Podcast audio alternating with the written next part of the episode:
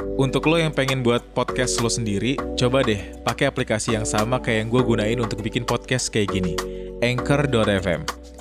Cara buatnya itu gampang banget dan juga 100% gratis. Selain gampang banget digunain, semua yang kita perluin untuk ngebuat podcast juga ada di Anchor.fm, termasuk untuk distribusi ke Spotify dan platform podcast lainnya.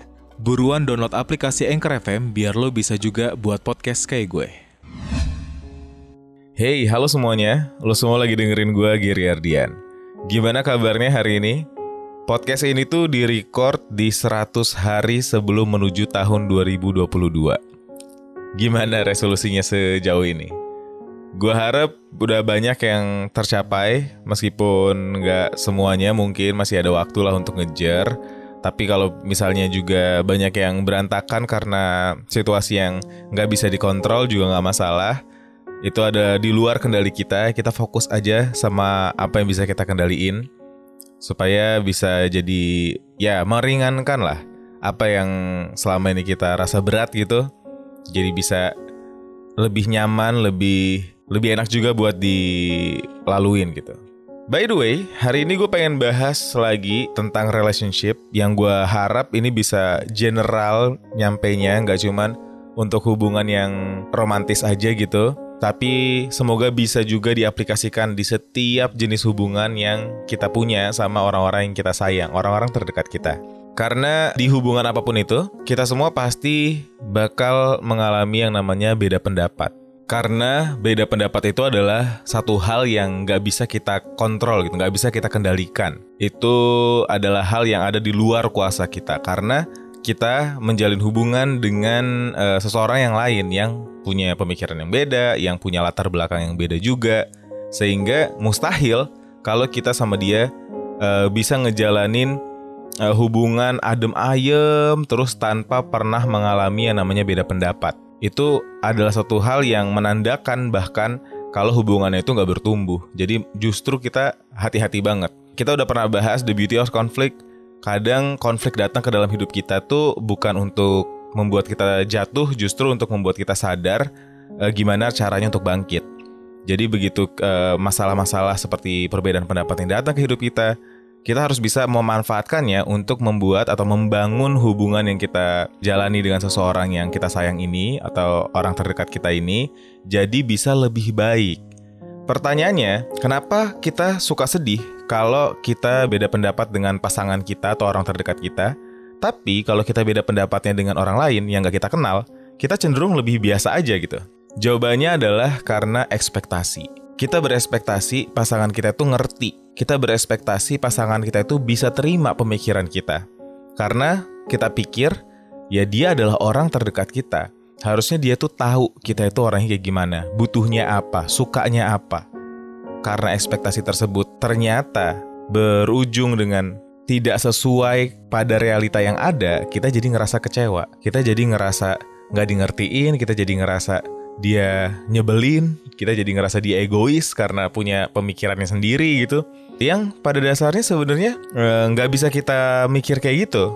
Kalau kita mau semua pendapat kita itu sesuai dengan apa mau kita, satu-satunya cara adalah kita cuma bisa menjalin hubungan dengan diri kita sendiri. Itu pun kadang kita susah kan komunikasi sama diri sendiri. Jadi kalau komunikasi sama diri kita sendiri aja kadang masih ada perdebatan, ada kebingungan, ada keraguan, eh, jalan mana yang mau kita pilih. Terus kenapa kita bisa berekspektasi pada orang lain untuk terus-menerus satu jalan, satu visi, satu satu misi sama kita?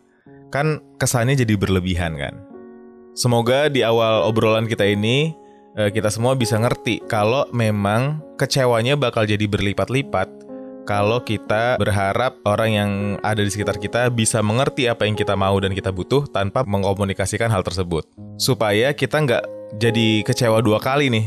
Uh, karena ekspektasi kita yang selama ini nggak sesuai sama kenyataan, terus kita juga jadi uh, berantem sama pasangan kita atau sama orang terdekat kita karena beda pendapat ini. Untuk itu, ketika kita sedang merasakan beda pendapat dengan orang yang terdekat atau orang yang kita sayang, kita bisa mulai menyadari bahwa sedekat apa pun kita dengan orang lain, kita tetap memiliki isi kepala yang berbeda. Yang berarti kita harus bersiap-siap. Kita tuh kayak seolah-olah harus ada gladi resiknya. Kalau kita menyampaikan satu hal, kalau kita pengen ngobrolin soal sesuatu, terus ternyata kita nggak sefrekuensi atau kita ternyata nggak punya pemikiran yang sama dalam topik obrolan tersebut gitu. Jadi dalam berkomunikasi kita uh, hope for the best but expect for the worst. Kita emang berharap, boleh nih berharap kalau misalnya uh, dengan mengkomunikasikan atau dengan membicarakan satu hal yang ingin kita sampaikan, dia dapat mengerti apa yang mau kita sampaikan gitu. Tapi kita juga harus berekspektasi serendah-rendahnya. Kita juga harus bisa kayak, oh kalau mau komunikasin hal ini uh, ternyata dia nggak ngerti, gue harus siap dengan jawaban tersebut.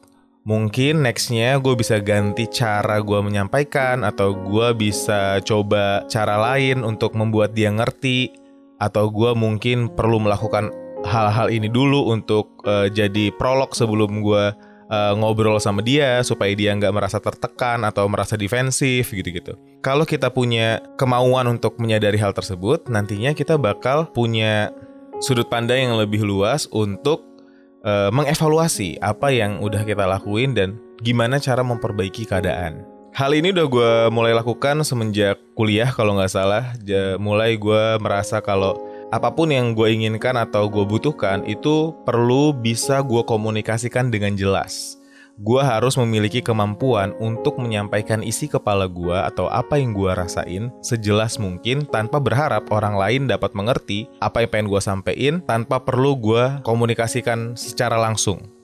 Karena setelah gue proses uh, mengenali diri sendiri, gue menyadari di beberapa hal gue adalah seseorang yang sulit buat dimengerti dan gue juga kadang ngerasa kalau gue tuh sangat berbeda kalau dibandingkan dengan orang lain. Karena itu, gue nggak masalah kalau misalnya ada orang lain yang misleading atau uh, nggak ngerti maksud gue itu maunya kayak gimana.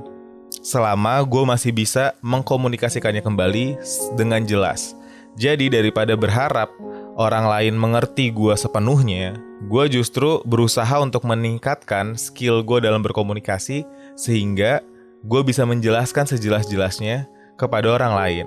Jadi gue mau mulai perubahan yang ada dalam uh, lingkungan gue atau uh, hubungan gue dengan orang-orang terdekat itu dari diri gue sendiri dulu. Soalnya waktu itu ada yang pernah bilang gini, uh, untuk supaya kita nggak beda pendapat di dalam hubungan ini, itu tuh salah satunya harus ada yang ngalah. Kalau ceweknya cerewet, cowoknya harus pendiam, ger. Kalau hubungannya dialamin sama dua orang kayak gitu, itu udah pasti aman tuh hubungannya. Nah, gue sendiri nggak setuju karena e, kesannya masalah-masalah yang terjadi itu tuh yang diredakan cuman berantemnya doang, tapi masalahnya nggak pernah diomongin seolah-olah kayak gitu. Karena gue pernah ketemu juga sama orang yang selama ini salah satu dari mereka itu tuh cerewet banget dan salah satu dari mereka tuh pendiam banget jadi yang satu bisa mengutarakan ekspresif banget apa yang dirasain, tapi yang satu lagi memilih untuk diem, malas ribut. Sehingga ternyata dalam jangka waktu yang panjang, pihak yang selama ini diem itu tiba-tiba udah nggak bisa nahan lagi. Nah, hal tersebut mengejutkan pasangannya yang baru tahu kalau selama ini ada resentment, ada dendam, ada hal yang selama ini disimpan uh, dan nggak nggak nggak keluar karena nggak bisa dikeluarkan selama ini, malah membuat dia jadi makin enak gitu sama hubungannya. Lama-lama cintanya hilang, tapi si cewek uh, selalu bilang kayak dia ini nggak pernah bisa komunikasin sama gue. Padahal pas gue ngobrol sama dia juga dia nggak ngizinin orang lain untuk, untuk untuk bicara gitu. Makanya skill komunikasi di antara uh, dua pasangan itu tetap harus dimiliki. Nggak bisa yang satunya cerewet, ekspresif, terus yang satunya diem aja gitu. Nggak boleh karena nantinya uh, eh, resentment resentment ini nih yang bakal ngebuat hubungannya jadi makin berantakan karena mungkin ada masalah-masalah yang selama ini mungkin uh, kesannya itu kayak masalah yang sepele gitu cuman telat jemput terus dimarahin lah terus minta maaf Habis itu kayak kita minta diajak makan atau diajak dinner tapi kita bilang terserah, si cowok harus ngerti. Hal-hal kayak gitu kan sebenarnya kita pikir sepele kan. Tapi nyebelin. Karena terkesan sepele nggak pernah dibicarain. Terus kemudian di kemudian hari cowoknya nemu cewek yang nggak kayak gitu misalnya. Jadinya kan ada perbandingan, terus jadi uh, ngebuat ngebuat hubungan jadi nggak ada yang dibangun gitu dalam hubungan itu. Jadi bahaya banget. Oleh karena itu perbedaan pendapat harus sebisa mungkin keduanya uh, memiliki kemampuan untuk mengkomunikasikan, memiliki empati untuk berbicara dan mendengarkan. Orang tuh sering misleading kalau komunikasi itu berarti harus berbicara terus-menerus. Sedangkan uh, di dalam proses komunikasi itu ada yang lagi inferior dan yang lagi superior gitu. Yang ada uh, ada yang pihak mendengarkan dan ada yang pihak berbicara. Dan sering kali untuk dapat komunikasi dua arah itu harus berbalikan. Kalau misalnya selama ini komunikasinya cuma terjalin satu arah doang, hubungannya bisa bahaya banget karena kita nggak bisa ngelihat sudut pandang yang lebih luas dari pihak yang selama ini inferior atau pihak yang selama ini mendengarkan. Untuk itu, untuk mengatasi perbedaan pendapat, kita harus punya empati, rasa kasih sayang yang yang begitu dalam untuk mendengarkan kita uh, put ourselves in their shoes gitu, ngerasain, dengerin gimana ya kira-kira rasanya kalau jadi dia ngadepin kita gitu. Dengan begitu uh, kita bisa nggak cuman ngelihatnya dari sudut pandang kita aja, nggak egois, nggak nggak selfish, cuman dari uh, apa yang kita mau gitu.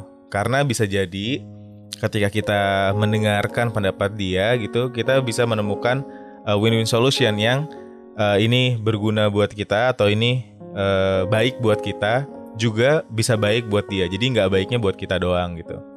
Nah, dalam proses ini tuh kita harus memiliki kemampuan untuk selalu mengingatkan kalau kedua belah pihak kita dan dia gitu misalnya ada di sebuah tim yang sama. Jadi kita itu sedang fighting for others, bukan fighting to each others.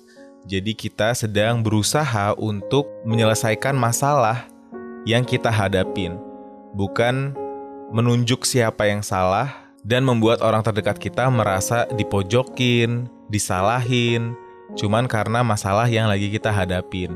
Jadi masalah ini bukan masalah dia, bukan masalah kamu, tapi masalah bareng-bareng. Kita ada di tim yang sama dan masalah ada di sudut pandang yang ketiga gitu, orang ketiga yang perlu kita sama-sama taklukin, yang perlu sama-sama kita kalahin. Jadi harus ada solusi yang bisa kita berdua ciptakan sebagai tim yang sama untuk mengalahkan masalah yang sedang kita hadapin. Solusinya gimana nih? Kalau dari kamu maunya gimana? Kalau dari aku maunya gimana? Dengan mendengarkan itu membuat uh, komunikasi yang terjalin nggak cuma satu arah.